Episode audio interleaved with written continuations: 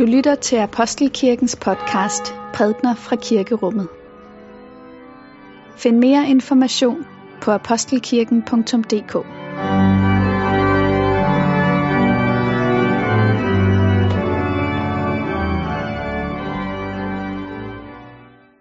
Temaet for gudstjenesten i dag er vedholdende bøn. Vi skal læse fra Lukas evangeliet kapitel 18. Lad os takke for Guds ord.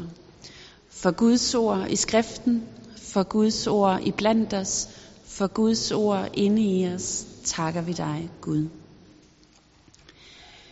Jesus fortalte dem en lignelse om, at de altid skulle bede og ikke blive trætte. Han sagde, i en by var der en dommer, som ikke frygtede Gud og var ligeglad med mennesker. I samme by var der en enke, og hun kom gang på gang til ham og sagde, Hjælp mig til min ret over for min modpart. Længe ville han ikke, men til sidst sagde han til sig selv, Selvom jeg ikke frygter Gud og er ligeglad med mennesker, vil jeg dog hjælpe denne enke til hendes ret, fordi hun volder mig besvær. Ellers ender det vel med, at hun kommer og slår mig i ansigtet. Og Herren sagde, Hør, hvad den uretfærdige dommer siger. Skulle Gud så ikke skaffe sine udvalgte deres ret, når de råber til ham dag og nat? Lader han dem vente? Jeg siger jer, han vil skaffe dem ret, og det snart. Men når menneskesønnen kommer, må han så vil finde troen på jorden. Jesus fortalte den lignelse, vi netop har læst, med det formål, står der, at vi altid skulle bede og ikke blive trætte. Så det er altså en lignelse, der handler om bøn. Og den handler om bøn i forbindelse med en ganske specifik problemstilling, nemlig bøn, når vi fristes til at give op. Altså til at holde op med at bede. Når det synes nyttesløst at bede. Og vi bliver trætte og tænker, ej, det nytter ikke noget at bede mere for den her sag, eller det her menneske, eller den her uretfærdighed, som man ved at fars. Han fortalte lignelsen for, at vi altid skulle bede og aldrig blive trætte. Man kan vel sige, at bøn er en dobbelt bevægelse. Jesus udtrykker det i evangelierne med et billede. Han siger, bank, og der skal blive åbnet for jer. Og det andet sted i Johannes åbenbaring står der, Jesus siger om sig selv, se, jeg står for døren og banker. Om nogen hører min røst og åbner døren, vil jeg gå ind til ham og holde måltid med ham og han med mig. Der er altså to forskellige bevægelser. Den ene bevægelse, det er en bevægelse, der siger, kom ind. Det er Jesus, der banker, og os, der åbner. Og i bønden lukker vi Jesus ind i vores liv og siger, se hvordan der ser ud i mit liv. Det er det, jeg står i lige i øjeblikket. Øh, herinde har du min håb, herinde har du mine bekymringer. Der er også lidt skyld og skam, og, og der er den her erindring. Ikke? Man viser ham indenfor og, og lukker Gud ind i det, der er vores liv. Det er den ene bevægelse. Det handler om at lukke ind. Den anden bevægelse handler altså om at banke på.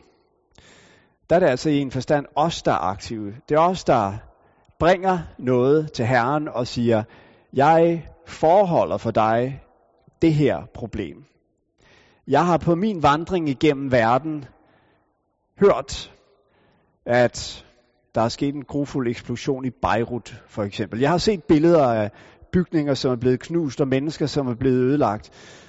Værsgo, jeg lægger det frem for dig. Jeg banker på din dør og siger, det her er sket i din verden. Jeg beder dig forholde dig til det.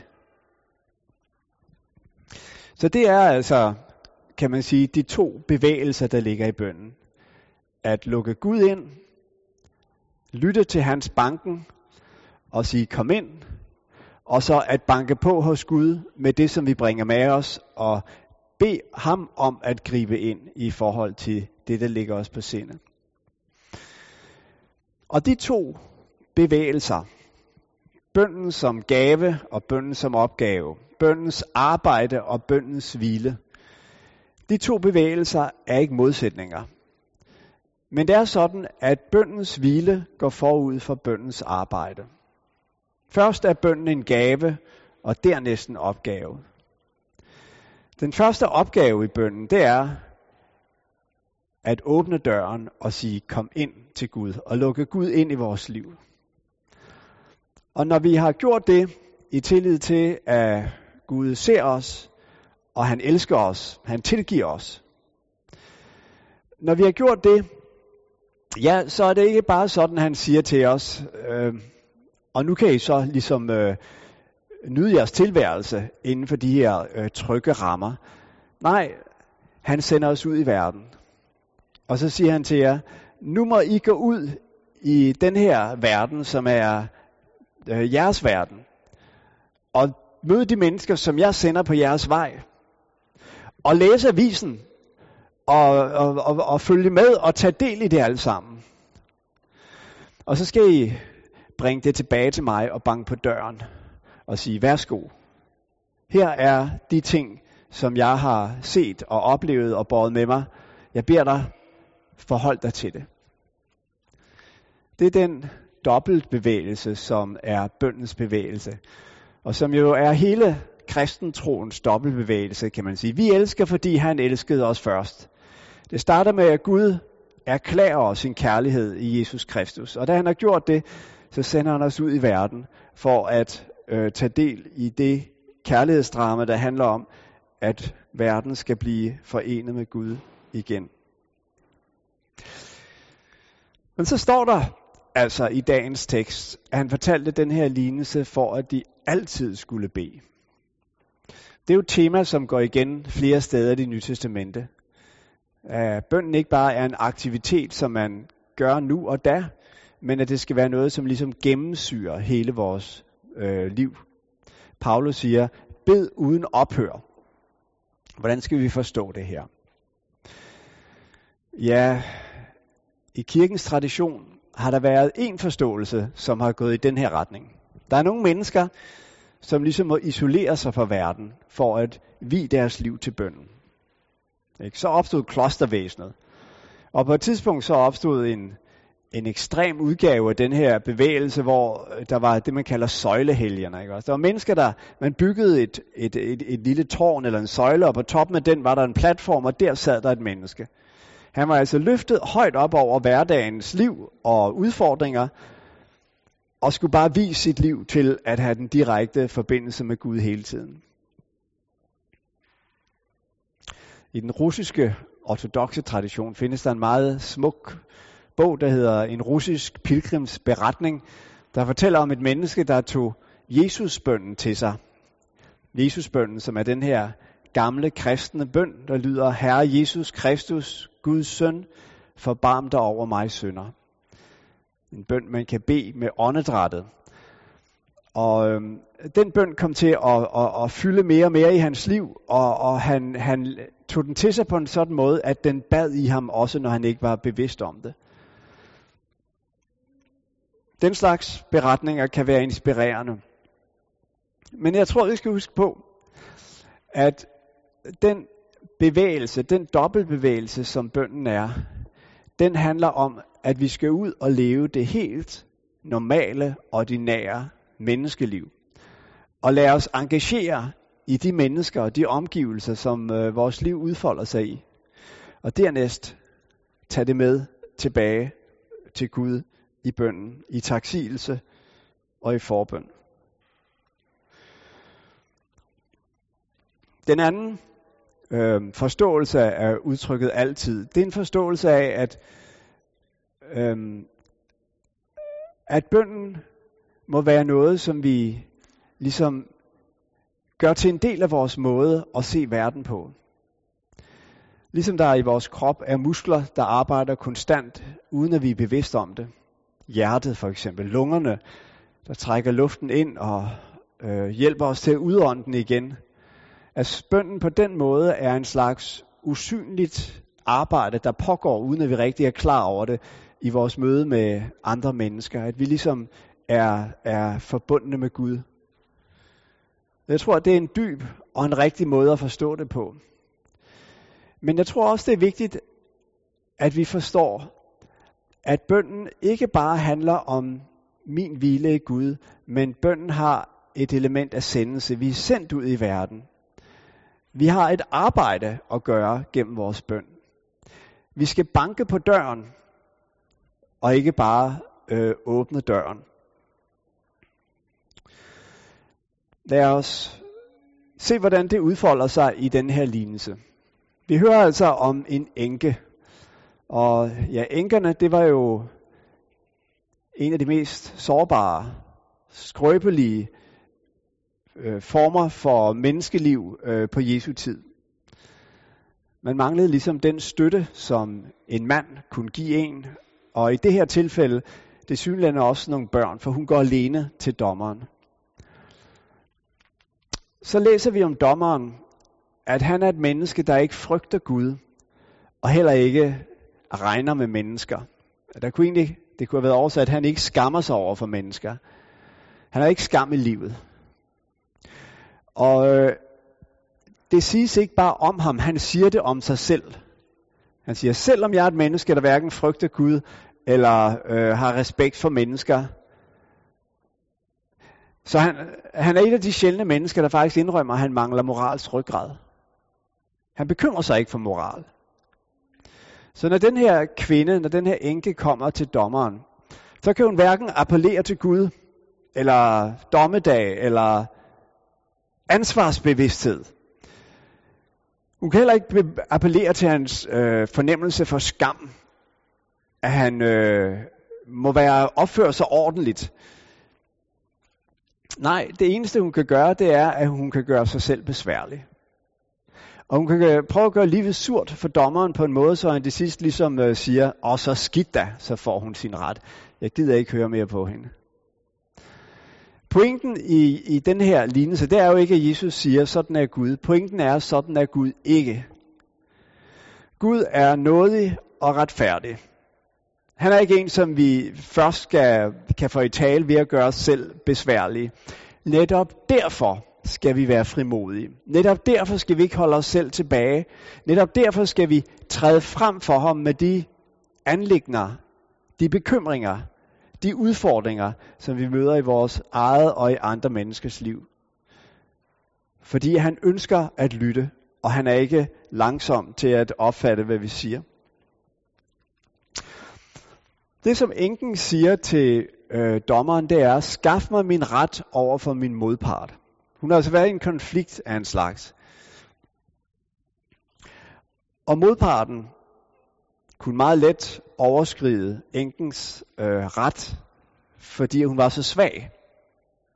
Det lå i hendes stand. Men nu siger altså øh, enken, skaf mig min ret over for min modpart. Så lad os lige overveje, hvem er din modpart? Måske nogle af os befinder os i konfliktsituationer med et andet menneske. Så bliver det andet menneske ligesom vores modpart. Det er den part, som vi gerne vil overvinde. Eller måske har man en konflikt i forhold til en kultur, en institution, en stat.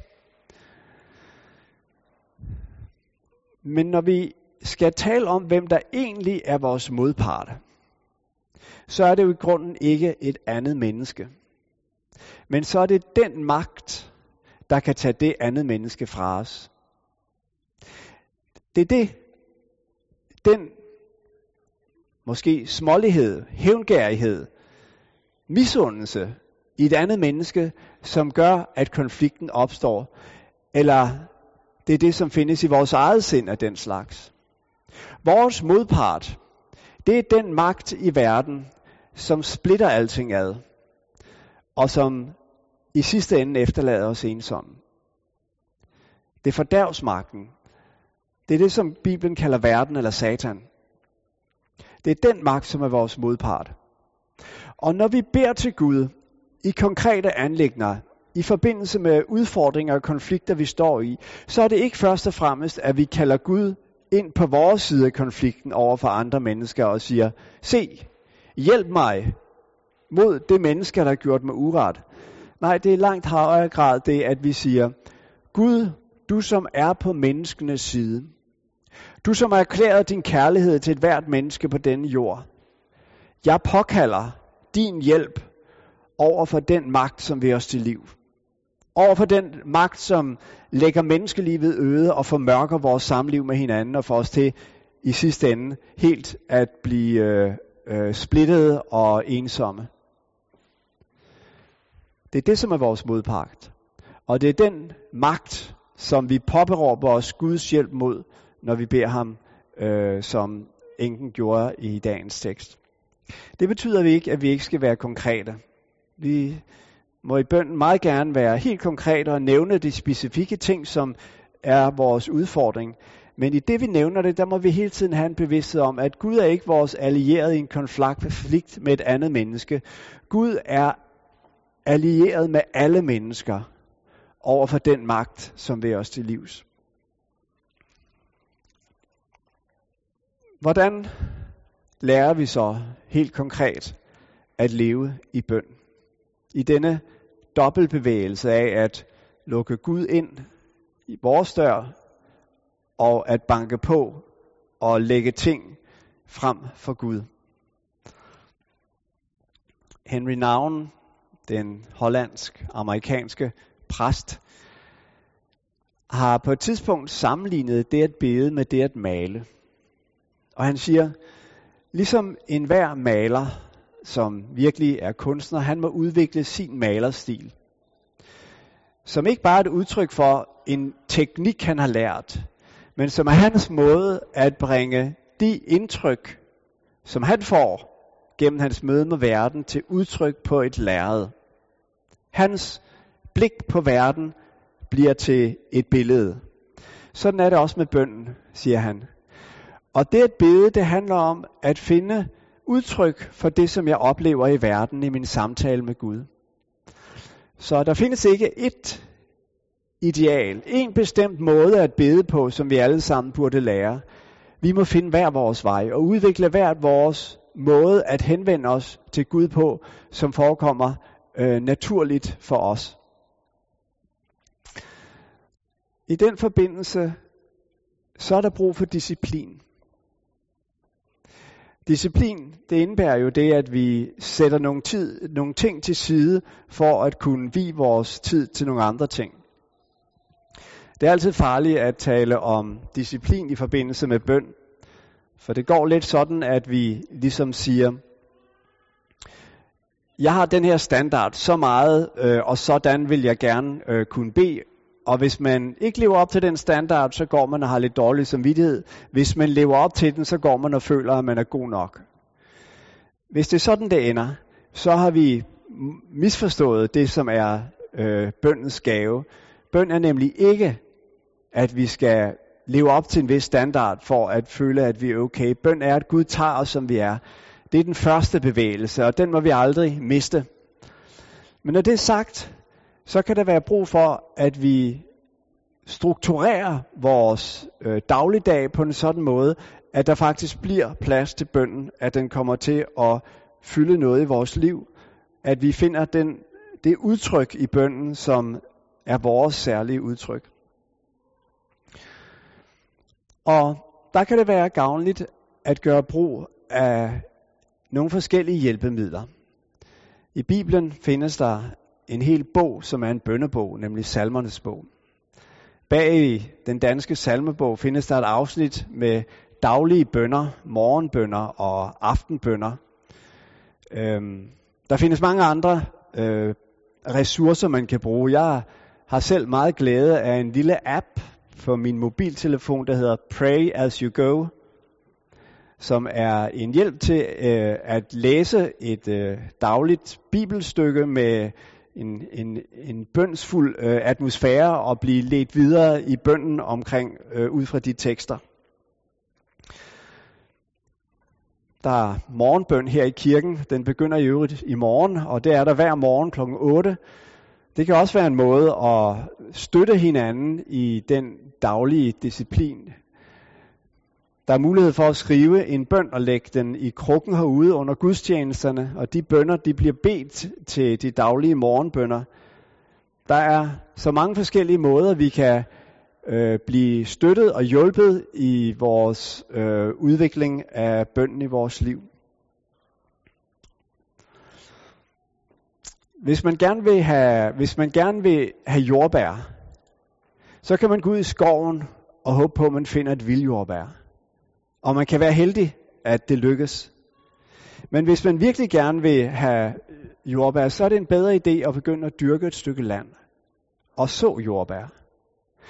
Og give dem nogle rammer, så de får mulighed for at vokse op og bære frugt.